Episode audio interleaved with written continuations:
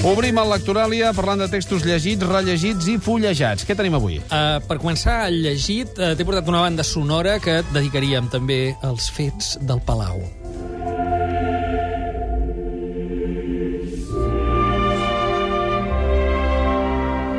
És un rèquiem. És un requiem. Un requiem, Eine Deutsches Requiem d'en Brahms. Uh, en fi, és que no, no, no, no en tenim un altre, no estava previst, eh, però he de dir que tot lliga. Aquest Requiem uh, és per il·lustrar un gran llibre que es diu La família Wittgenstein, és d'Alexander Vaughan, uh, familiar d'Evelyn Vaughan. Això ho publica Lumen, traduït de l'anglès a l'espanyol uh, per Gerardo Páez. Això és una biografia. Ara bé, és una biografia múltiple, perquè Ah. no és només d'un personatge. Uh, Ludwig, Ludwig Wittgenstein potser és el més conegut, El un filòsof. filòsof, eh? Diguem, però hi ha un altre personatge que destaca molt, i d'aquí ve el Requiem, que era son germà, Paul Wittgenstein, que va ser pianista amb una sola mà. És a dir, que va perdre la mà dreta a la Primera Guerra Mundial al, font, al front rus, i, esclar, va ser concertista només amb la mà esquerra.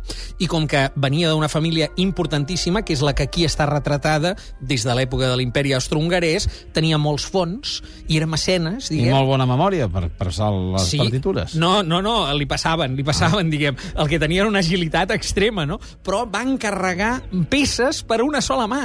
Diguem, clar, el tio pagava, i, però a paios com ara l'Strauss, eh, diguem, o el Ravel o així, no? I aleshores, clar, sempre hi havia el dubte de si el anaven a veure com una mica qui va al circ, de, hòstia, un pianista que toca només amb una mà, o anaven per la seva qualitat musical. Tot això a la Viena, que és la ciutat més exigent des d'un punt de vista musical, no? I arreu, també. Passa que eh, Wittgenstein, la família Wittgenstein és molt, molt àmplia, això és un fresc, i molt tràgica, també. He posat el Requiem perquè, clar, dels set germans que van ser el Wittgenstein, tres es van suïcidar eh, i només en van quedar dos més de mascles, que eren aquests dos que hem parlat, en Paul i en Ludwig, i dues germanes més. Eh, en general... Llaminer m'ho poses, eh? Sí, no, no, està ple d'episodis. És com llegir el segle XX, diguem, a partir d'una família molt poderosa que per acabar-ho de rematar eh, descobreixen, perquè ells ni ho sabien, que els seus quatre avis eren d'origen jueu. I això quan ho descobreixen? Doncs naturalment quan el nazisme impera i quan entra a Àustria i ells que eh, han estat sempre poderosos, que són rics, que tenen palaus per tot arreu, s'adonen que estan a totes les llistes negres i aleshores, eh, bé, emigren, diguem, el Ludwig a Anglaterra, en Paul a Estats Units, em treuen la fortuna familiar a Suïssa, etc. Hi ha molts avatars, és una biografia molt ben documentada, però serveix com a llibre d'història, pràcticament, Clar. perquè tens tot el segle XX aquí i molt ben escrit. Eh, L'Alexander Vaughan eh, era net, net, jo dic familiar, era net de l'Evelyn Vaughan, del, del novel·lista, i realment és una obra que es llegeix com una novel·la. Paraules claus. Les paraules claus són segle XX, història, filosofia, música, discapacitat també, guerres mundials i sobretot Viena. Quan els bessons ràpid i puntual decideixen viatjar còmodament en el nou tren hotel, no es poden imaginar que el destí els ha tornat a unir a natura i comoditat. Més tard, amb el paisatge lliscant a gran velocitat per les finestres del vagó restaurant, gaudiran de la taula, la companyia i la nit. Quan viatges en el nou tren hotel en el trajecte Barcelona-Sevilla-Cadis, viatjar es converteix en alguna cosa més que viatjar. Renfe, nous temps, nous trens. Ministerio de Fomento, Gobierno de España. Una rumba!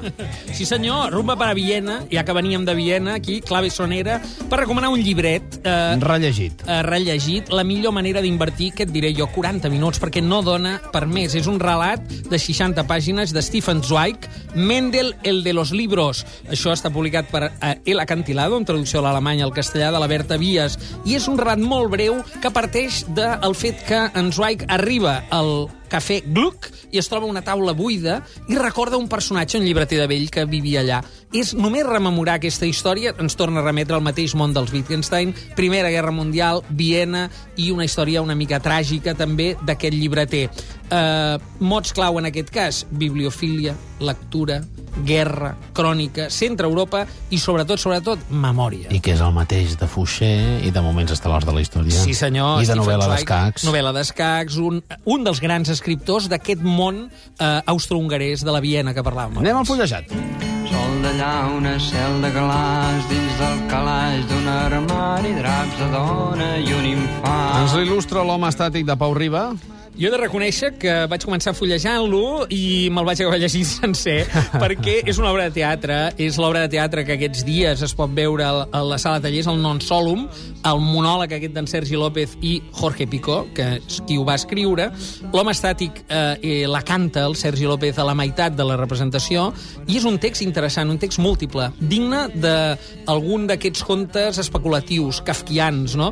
Eh, bé, vist a l'escena, mm, el teatre s'ha de veure, és evident, llegir és com les instruccions d'ús, però mm, m'he trobat que literàriament era molt interessant, ho ha dit a columna, Non Solum, Sergi López i Jorge Picó, comèdia amb protagonista múltiple, diuen aquí. Mots claus. Aquí tenim teatre, tenim sàtira, tenim corrosió, de corrositat, que convé molt, diversitat crítica, que també convé molt aquests dies, i Kafka, mot clau com Kafka, per exemple. Vam parlar amb el Sergi López, eh, gaudim d'ell amb el teatre, però veure-ho escrit val la pena, eh? Val la pena, és un text complex, diguem, i aquí eh, es fa de molt bon llegir, com un conte llarg. De seguida anem a les obres de l'AVE. Gràcies, Màrius Serra. Arribem al butlletí de notícies de les 11. Adéu.